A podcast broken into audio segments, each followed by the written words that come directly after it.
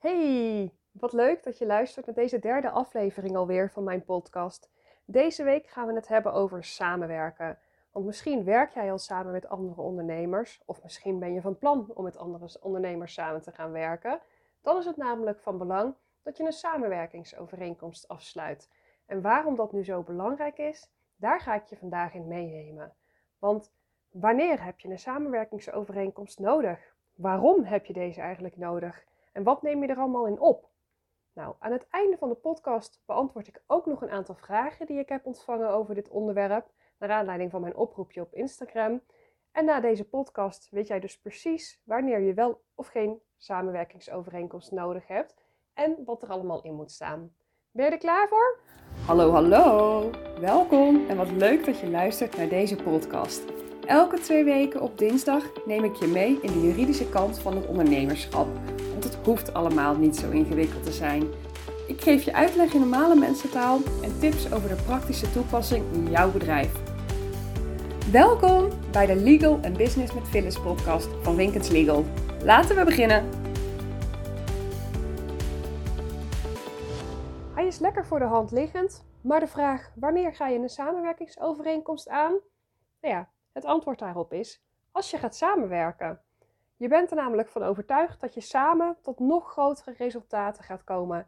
En je ziet een supermooie toekomst voor jullie samen voor je, samen met je samenwerkingspartner. Eigenlijk is het net een soort huwelijk. En net als bij een huwelijk is het ook bij een zakelijke samenwerking verstandig om afspraken vast te leggen. Want waar er vroeger bijna standaard werd getrouwd in gemeenschap van goederen, worden er tegenwoordig steeds vaker huwelijkse voorwaarden opgesteld. En dat is mijn bruggetje naar de samenwerkingsovereenkomst. Want eigenlijk is de samenwerkingsovereenkomst een soort huwelijkse voorwaarde voor jullie samenwerking. In de samenwerkingsovereenkomst wordt ook wel eens samenwerkingscontract genoemd. Het is allebei hetzelfde. Maak je afspraken over de samenwerking. Meestal heb je samen het doel om winst te maken en jullie besluiten om daarom jullie krachten te gaan bundelen. Maar er is natuurlijk veel meer dan alleen dat doel van winst maken. Want waarschijnlijk moeten er ook kosten gemaakt gaan worden. Er moet een administratie bijgehouden gaan worden. Er wordt tijd besteed. En ja, hoe vervelend het ook is, misschien loopt de samenwerking niet zoals je had gedacht. Misschien voert je partner helemaal niks uit. Of zitten jullie totaal op een verschillend pad qua ideeën. Ja, wat doe je dan? En dan is het dus wel zo prettig als je van tevoren hebt nagedacht over deze mogelijke scenario's en als je daar afspraken over hebt gemaakt. Je ziet helaas vaak dat er een samenwerking wordt aangegaan zonder dat er een overeenkomst wordt gesloten. Er wordt dan gewerkt op basis van vertrouwen. En ik snap dat, ik snap dat uitgangspunt en het kan ook heel lang goed gaan. Maar zodra het fout gaat, ja, dan wordt het gewoon echt een heel vervelend verhaal. Dan begint het modder gooien en dan zie je ineens de andere kant van jouw samenwerkingspartner. Maar het gaat ook niet eens alleen om die situatie dat het echt hartstikke fout gaat en dat er allemaal verwijten worden gemaakt over en weer. Het geeft voor jullie gewoon allebei zekerheid als je je afspraken vastlegt op papier. Want stel dat jij twijfelt of je nog wel de inspanning en de energie kunt opbrengen om het beste van de samenwerking te maken. Je wil het echt wel doen, maar het gaat gewoon niet. Het lukt gewoon niet. En de onzekerheid van ja, wat nu? Hoe wikkelen we dit af? Hoe kan ik hier onderuit? Ja, dat maakt jouw besluit misschien nog moeilijker om te stoppen. En als jij een overeenkomst hebt waarin je hebt uitgelegd hoe er wordt omgegaan als een van de twee besluit om te willen stoppen, ja, dat geeft jou houvast en dat kan jou ook helpen bij het nemen van een besluit. Want het gaat niet altijd zoals je het van tevoren had bedacht. En de overeenkomst is er dus echt niet alleen maar om situaties van ruzie op te lossen of te voorkomen. Het biedt gewoon zekerheid, ongeacht de situatie waarin je je bevindt.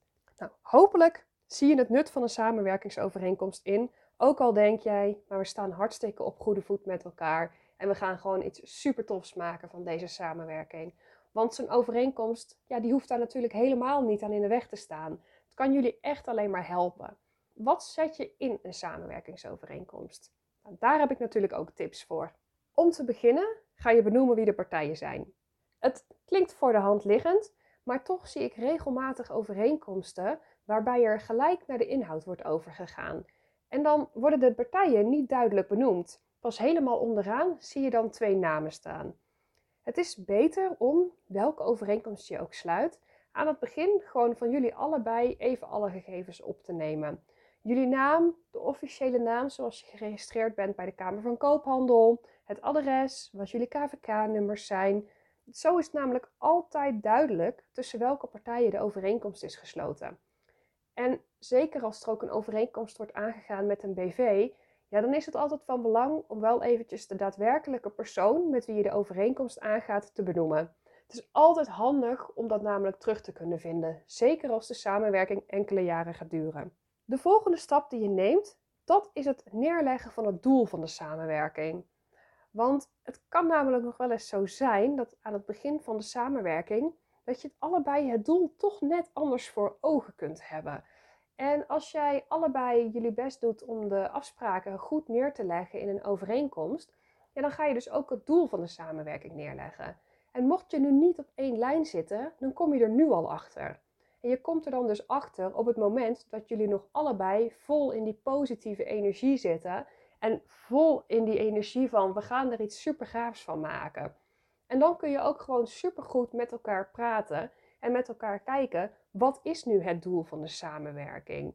En dat is al win nummer 1 van de samenwerkingsovereenkomst op papier zetten. Verder ga je afspraken maken over de administratie. Want misschien heeft een van jullie twee wel hartstikke veel affiniteit met administratie bijhouden, of misschien allebei niet. En dan is het natuurlijk ook wel goed om dit onderdeel te bespreken.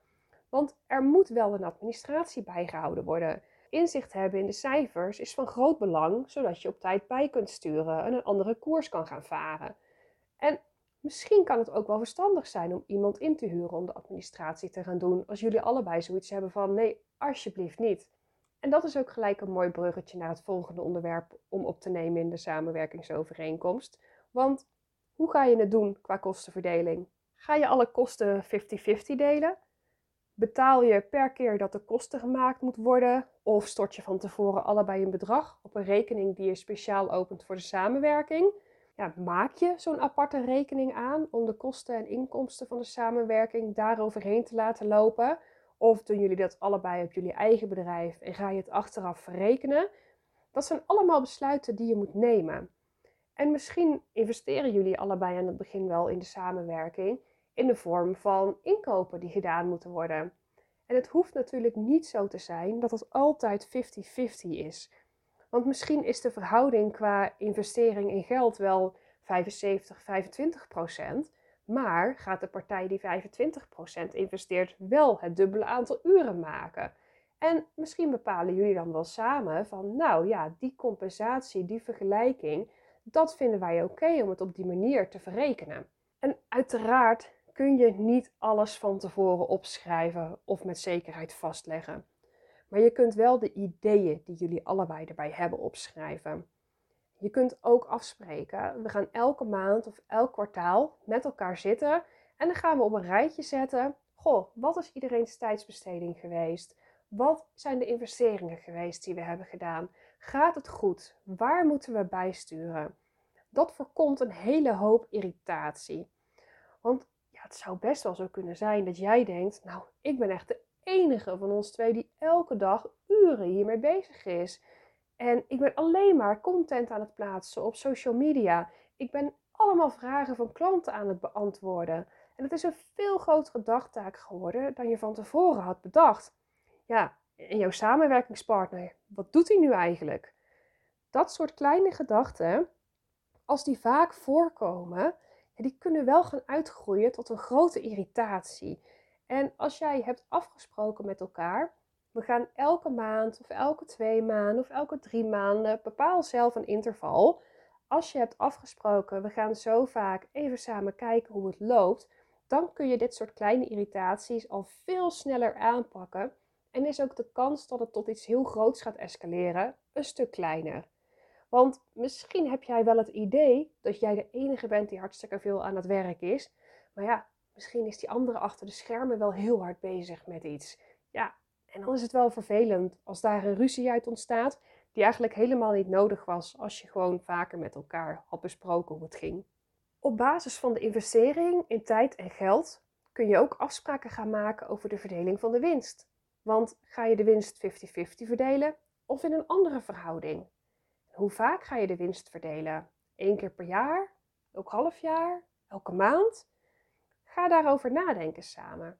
En denk niet, oh ja, maar ik dacht dat we het 50-50 gingen doen. Dat soort gevallen dat je denkt van de ander zal het ook wel zo denken, ja, daar ontstaat ruis in de communicatie. En heel veel ruis in de communicatie kan uitgroeien tot iets heel groots, wat absoluut niet nodig was geweest. Ook al kun jij nu aan het begin van de samenwerking nog helemaal geen concrete cijfers noemen over de winstverdeling. Je kunt bijvoorbeeld wel zeggen: Nou, we houden allebei onze uren bij. En op basis van de urenbesteding gaan we ook de winst verdelen naar dezelfde verhouding. Dat kan allemaal, dat mag je allemaal zelf afspreken. Want dat is het voordeel als je als twee zakelijke partijen samen afspraken gaat maken. Je mag afspreken wat je zelf wil. Waar je ook over na gaat denken, is de duur van de samenwerking. Want ga je een oneindige samenwerking aan, dus zonder een einddatum te noemen, of ga je eerst een paar maanden proef draaien? Misschien besluit je wel, we gaan eerst een paar maanden proef draaien. En als dat blijkt te werken, dan gaan we het in een meer officiële vorm gooien, zoals een VOF, een vennootschap onder firma. Maar het zou ook kunnen dat je na het proefdraaien gaat besluiten, nou, het gaat hem toch niet worden. We hadden het toch wel wat anders gezien, deze samenwerking. En we zetten er een punt achter. Nou, dat kan natuurlijk ook. Maar om van tevoren na te denken van hoe lang gaan we deze samenwerking aan? En wat zijn besluiten die we nemen als het bijvoorbeeld na een aantal maanden of jaren niet loopt zoals we denken? Ja, het is gewoon goed om daar van tevoren over na te denken, want ook dat voorkomt een hele hoop ruis in de communicatie. Een samenwerkingsovereenkomst die kan ook eindigen doordat een van de twee partijen zegt: ja, ik wil niet meer verder gaan. En dat hoeft, zoals ik eerder ook al zei, helemaal niet te zijn omdat er ruzie is. Het kan ook gewoon zijn dat een van jullie twee denkt: ja, ik wil meer tijd gaan besteden aan mijn gezin.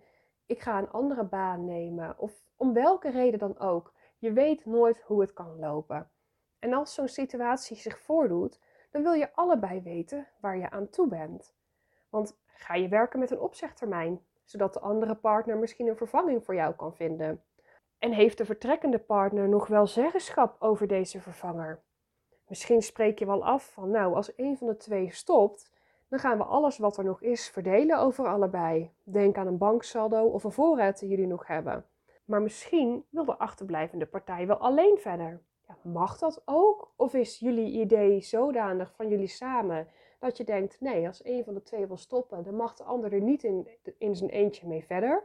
Ja, hoe ga je daarmee om? En krijgt bijvoorbeeld de vertrekkende partij dan nog een vergoeding als de ander wel doorgaat? Dat zijn zaken waar je allemaal van tevoren over na kan denken. De antwoorden op al die vragen die ik je in deze aflevering heb gesteld, zijn natuurlijk sterk afhankelijk van het soort samenwerking dat je aangaat. Want je kunt samenwerken doordat één partij zegt: Nou, ik ga extra diensten aanbieden aan mijn klanten en daarvoor schakel ik een ander bedrijf in om die extra ondersteunende diensten te verlenen. En de samenwerkingsovereenkomst heeft in dat geval kenmerken van een overeenkomst van opdracht, dat de ene partij aan de andere partij een opdracht geeft. En als daar sprake van is, dan wil je er ook weer voor zorgen dat er geen sprake is van een verkapte arbeidsovereenkomst. Maar het kan ook zo zijn dat er wordt samengewerkt om bijvoorbeeld een nieuw product te ontwikkelen. Als dat het geval is, dan wil je ook afspraken maken over intellectuele eigendomsrechten die ontstaan. En als jij samen iets heel nieuws gaat creëren, iets nieuws in de markt gaat zetten, dan vraagt dat ook weer om andere bepalingen in je overeenkomst dan als het om een eenmalige samenwerking gaat. Bijvoorbeeld om één specifiek project tot een goed eind te brengen. Dan zal je bijvoorbeeld over de duur van de samenwerking heel ander soort afspraken gaan maken.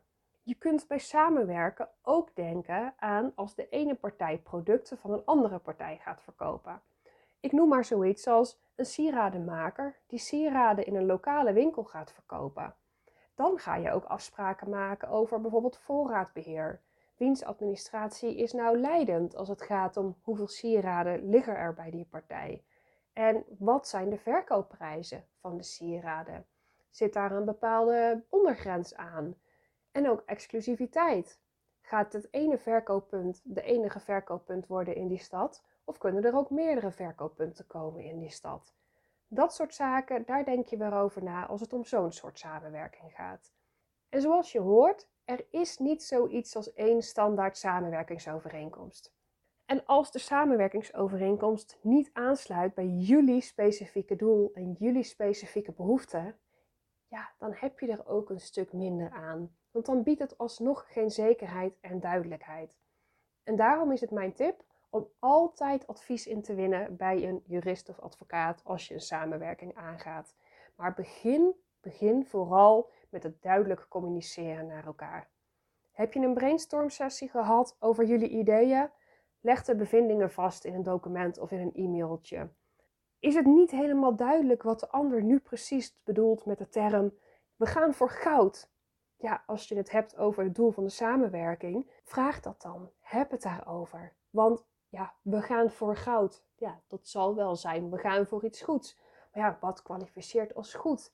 Is dat een bepaald aantal verkopen? Is dat een bepaalde omzetgrens? Is dat een bepaalde winstgrens? Daar ga je het samen over hebben. Benoem het, bespreek het en schrijf het op. En dan maak je echt al super grote stappen om een goede basis te leggen voor jullie samenwerking.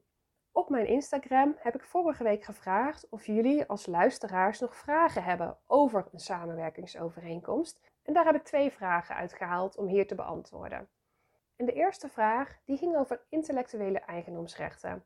Want stel dat je in een creatief beroep samenwerkt voor een klant, ja, dan heb je te maken met intellectuele eigendomsrechten. Allebei de partijen creëren iets creatiefs en dat betekent dat allebei de partijen als maker zijnde een intellectueel eigendomsrecht hebben op datgene wat zij hebben gemaakt. Maar wat nu als er dan een geschil ontstaat tussen een van jullie met de klant? Moet de ander dan zijn intellectuele eigendomsrechten overdragen naar degene die gaat procederen? Of hoeft dat niet? Nou, dat hoeft niet, want je hebt bij intellectuele eigendomsrechten namelijk twee opties. Je kunt ze overdragen of je kunt de andere licentie geven. En een licentie, daarmee geef je aan de ander het recht om bepaalde dingen met het werk te kunnen doen. En de dingen die je dan kunt doen onder die licentie, dat is bijvoorbeeld het gebruiken van een foto op een website, het plaatsen van teksten in een magazine. Maar jij kunt dan ook zeggen tegen die ander: Ik geef jou het recht om ten aanzien van de werken waar mijn intellectueel eigendomsrecht op rust, het recht om te gaan procederen. Dan kun je het auteursrecht gewoon bij jou houden. Maar dan geef je een licentie aan die samenwerkingspartner, zodat die samenwerkingspartner de procedure kan voeren met de klant. De tweede vraag die werd gesteld ging over aansprakelijkheid. Want wie is er aansprakelijk als er iets niet goed gaat? En daarvoor is het van belang wat er is afgesproken. Er zijn verschillende situaties mogelijk en dat is afhankelijk van de vorm waarin je samenwerkt. Ik ga even twee situaties noemen. Stel nu dat een klant aan jou als copywriter een opdracht geeft om teksten te schrijven. En daarbij moeten er ook SEO-teksten geschreven worden. Maar dat is niet per se jouw specialiteit en daarvoor werk jij samen met een SEO-specialist. En er zijn dan twee opties mogelijk. Eén is dat jij de opdracht ontvangt van de klant en de uitvoering van die opdracht geef jij aan de SEO-specialist. Of jullie ontvangen de opdracht samen. In het eerste geval zegt de wet als uitgangspunt: je kunt werkzaamheden door een ander laten uitvoeren, maar daar blijf je zelf voor aansprakelijk. Dus dan blijft de aansprakelijkheid bij jou. In het tweede geval, als de opdracht door jullie samen wordt aangegaan, dan zegt de wet als uitgangspunt: je bent samen aansprakelijk als het niet goed gaat in de uitvoering. Maar je kunt hiervan afwijken. Deze twee uitgangspunten, dat zijn dus uitgangspunten die uit de wet volgen. Maar de wet zegt dat je in de overeenkomst met de klant andere afspraken kunt maken. En daarom is het altijd van belang dat je de afspraken die jij maakt met de klant goed op papier zet. Dat doe je in de overeenkomst van opdracht met de klant, maar dat kan ook in je algemene voorwaarden. En dat is de plaats waar dit meestal gebeurt. In dat geval is het namelijk zo dat er in de algemene voorwaarden een bepaling staat waarin staat dat de wetsartikelen waar deze uitgangspunten uitkomen uitgesloten worden. Omdat jij die afspraak maakt met de klant, zeg je dus, ook al ga ik een deel van de opdracht laten uitvoeren door een ander, ik ben daar niet voor aansprakelijk. Dat betekent, als er schade ontstaat door het werk van de nou SEO-specialist in dit geval bij de klant, dan moet de klant rechtstreeks naar die SEO-specialist. Dan zit jij daar niet tussen. Dus dat is hartstikke fijn voor jou. In het tweede geval, dat was als je samen een opdracht krijgt, dan heb je dus gezegd: we zijn daar niet allebei voor verantwoordelijk, maar dan is ieder voor zijn deel verantwoordelijk. Oftewel, als er schade ontstaat door de werkzaamheden van een SEO-specialist, is diegene daarvoor verantwoordelijk. En als er schade ontstaat door jouw werkzaamheden, ben jij daarvoor verantwoordelijk. En dat is natuurlijk wel zo prettig, dat iedereen gewoon voor hetgene wat ze zelf doen aansprakelijk kan zijn. En dat jij niet een extra aansprakelijkheid op de hals haalt voor het werk van een ander. Maar daarvoor is het dus wel van belang dat jij goede afspraken maakt met de klant. En meestal spreek je dit dus af in algemene voorwaarden. Dus daarom is het ook altijd super belangrijk om algemene voorwaarden te hebben die echt voor jouw beroepsgroep en voor jouw manier van werken zijn geschreven. Wil je nu nog eens teruglezen wat er allemaal komt kijken bij samenwerken en over welke onderwerpen je dan allemaal moet nadenken voor je samenwerkingsovereenkomst? Dan kun je op mijn website winkenslegal.nl/slash podcast 3 een overzicht downloaden van alle kernpunten die ik hier heb besproken. In de volgende podcastaflevering neem ik je mee in het gebruiken van algemene voorwaarden. De kans is namelijk heel groot dat jij deze niet op de juiste manier gebruikt. En dan heb je er helemaal niks aan. En dat is natuurlijk hartstikke zonde. En omdat ik dat wil voorkomen, ik wil dat jij algemene voorwaarden hebt die je op de juiste manier gebruikt, waardoor jij veilig onderneemt, wijd ik daar mijn volgende podcastaflevering aan. Over twee weken op dinsdag komt die online. Dus ik hoop je daar weer te zien. En wil je in de tussentijd meer te weten komen over de juridische kant van het ondernemen? Dan kun je mij op Instagram volgen onder @phylliswinkens. Tot over twee weken. Dankjewel voor het luisteren naar de Legal and Business met Phyllis podcast van Winkens Legal. Vond je het leuk om naar deze podcast te luisteren? Laat het mij vooral eventjes weten. Stuur me een DM of tag me in je stories. Dat zou ik echt hartstikke leuk vinden als je dat doet. Vergeet ook niet om de samenvatting van deze aflevering te downloaden en je te abonneren op dit kanaal, zodat jij als eerste op de hoogte bent als er een nieuwe aflevering online komt.